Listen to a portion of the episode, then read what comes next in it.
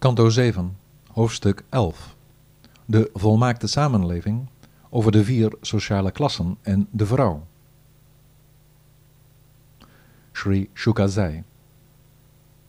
Toen hij naar het verhaal had geluisterd over hem, Prahlada, de grootste van alle toegewijden, over hem, de meester van de Daitya's, zo trouw aan de Heer, die de hele wereld in één stap omvat, hij die wordt besproken in de bijeenkomsten van de heiligen, stelde Yudhishthira, zeer verheugd, opnieuw vragen aan de zoon van Brahma, Narada. Sri Yudhishthira zei,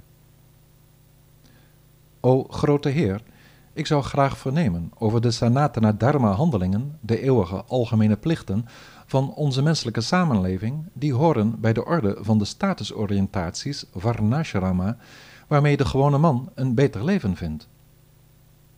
U, mijn Heer, bent rechtstreeks de zoon van onze oorspronkelijke vader, de allerhoogste persoon in dit universum, Brahma.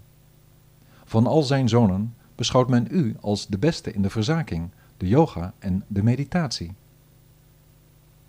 Onder hen die Narayana toegewijd zijn, bent u de wijze die weet heeft van het meest vertrouwelijke en verheven aspect van het Dharma.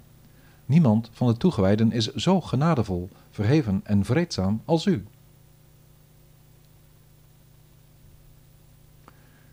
Sri Narada zei.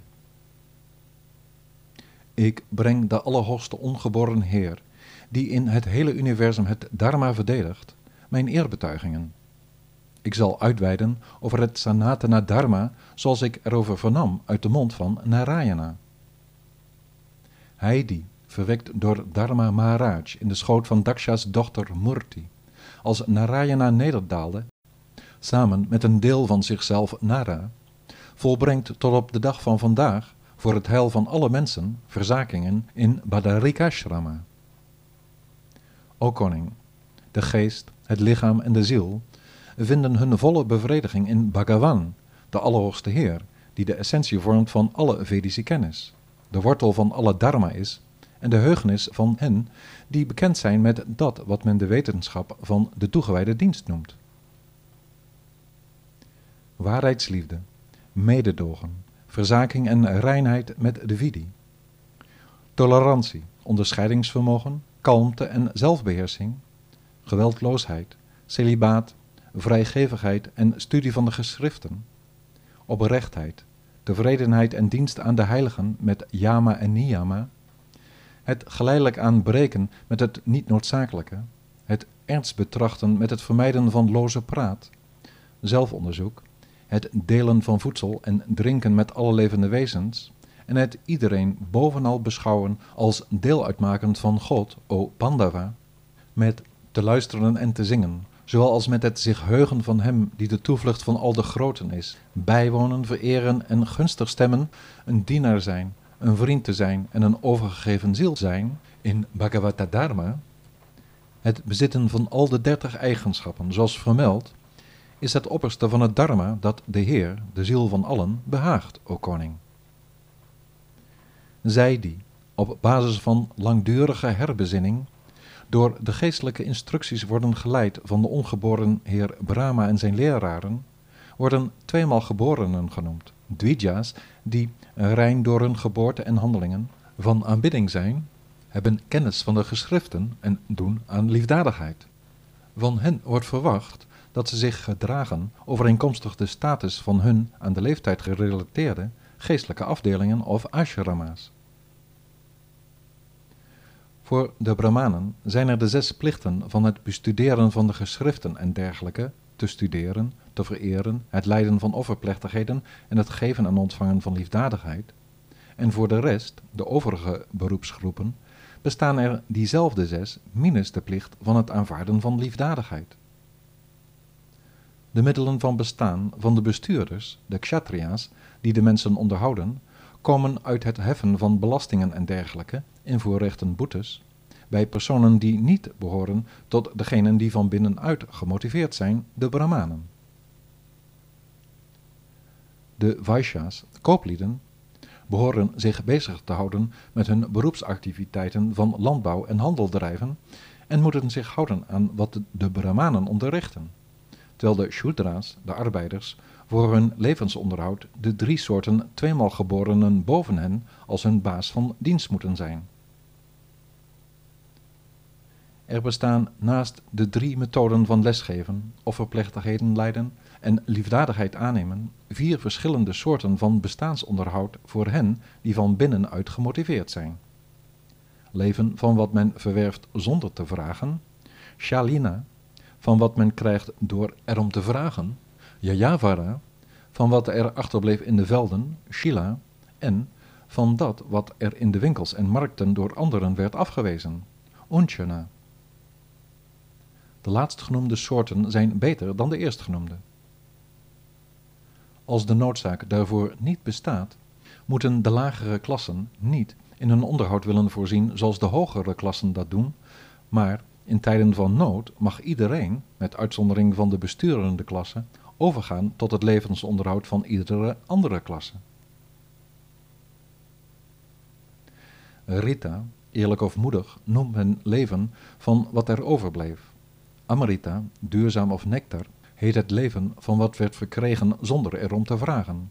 Van Mrita, eindig bezig zijn, is sprake als men vraagt om wat men nodig heeft, terwijl het Pramrita of cultiveren wordt genoemd als men eet van zijn eigen grond.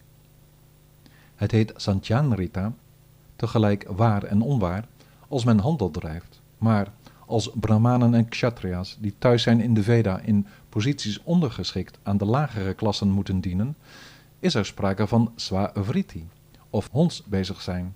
Een manier van doen waar men van moet afzien, omdat de wijzen staan voor al de Vedische kennis en de leiders van de staat al de goden belichamen. Met Rita of Amrita kan men leven, en zelfs met Mrita, met Pramrita of met Satchandrita. Maar men kan zich nooit verzoenen met een hondsbestaan. De Brahmaan staat bekend om zijn beheersing van de geest en de zinnen, zijn boetvaardigheid, reinheid, voldoening, vergevingsgezindheid, zijn recht door zee mentaliteit, geestelijke kennis en mededogen, de perfectie van zijn dienst aan de Heer, het ware zelf en zijn waarheidsliefde.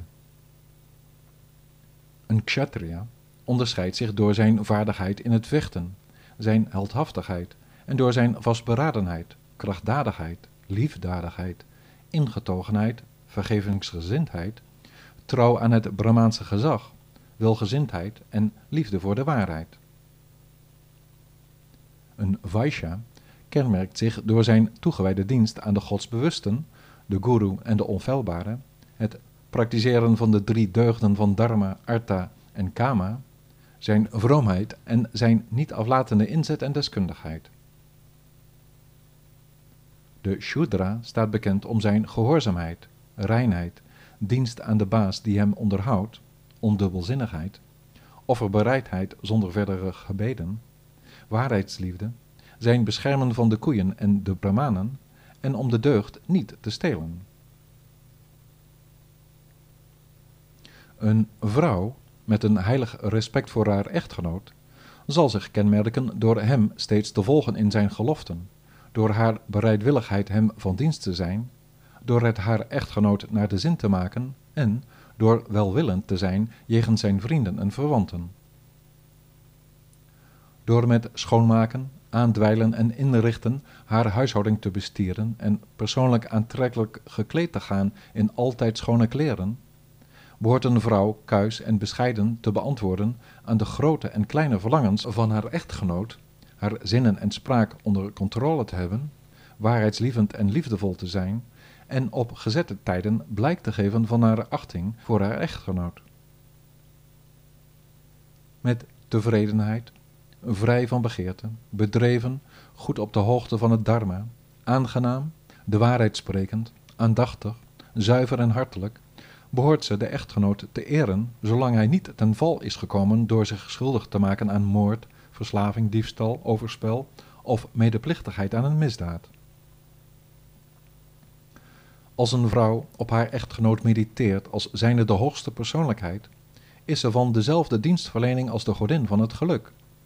Met haar toewijding, denkend aan Hari, geniet ze met haar echtgenoot zijn hemelverblijf Vaikunta net als Lakshmi. Het levensonderhoud van hen die voortkwamen uit een gemengd huwelijk en die als lager worden beschouwd of gemarginaliseerd zijn, moet niet uit stelen of anderszins zondigen bestaan, maar overeenkomen met de respectievelijke familietradities. O koning, als iemands beroepsmatige bezigheid, zijn dharma, overeenstemt met zijn maatschappelijke positie, wordt dat door de zieners van de Vedische kennis in ieder tijdperk, yuga, herkend als zijnde gunstig voor zowel iemands huidige leven als zijn volgende bestaan. Als men zich voor zijn levensonderhoud houdt aan de activiteiten horend bij zijn beroepsuitoefening, kan men, met het geleidelijk een einde maken aan het karma dat voortkwam uit de eigen aard, de nirguna-staat bereiken die verheven is boven de wisselwerking van de natuurlijke basiskwaliteiten. Maar een akker die keer op keer bebouwd wordt, kan, uitgeput geraakt, braak komen te liggen en niet langer geschikt zijn voor oogsten, zodat gezaaid zaad verloren gaat. Op dezelfde manier kan een geest, vol van lustige verlangens, keer op keer genieten van dat waar de verlangens naar uitgaan, maar op een zeker punt niet meer in staat zijn nog langer te genieten en al dus onthecht raken, o koning. Denk maar aan kleine druppeltjes geklaarde boter die verloren kunnen gaan in een offervuur, maar allemaal tegelijk uitgegoten het vuur kunnen doven.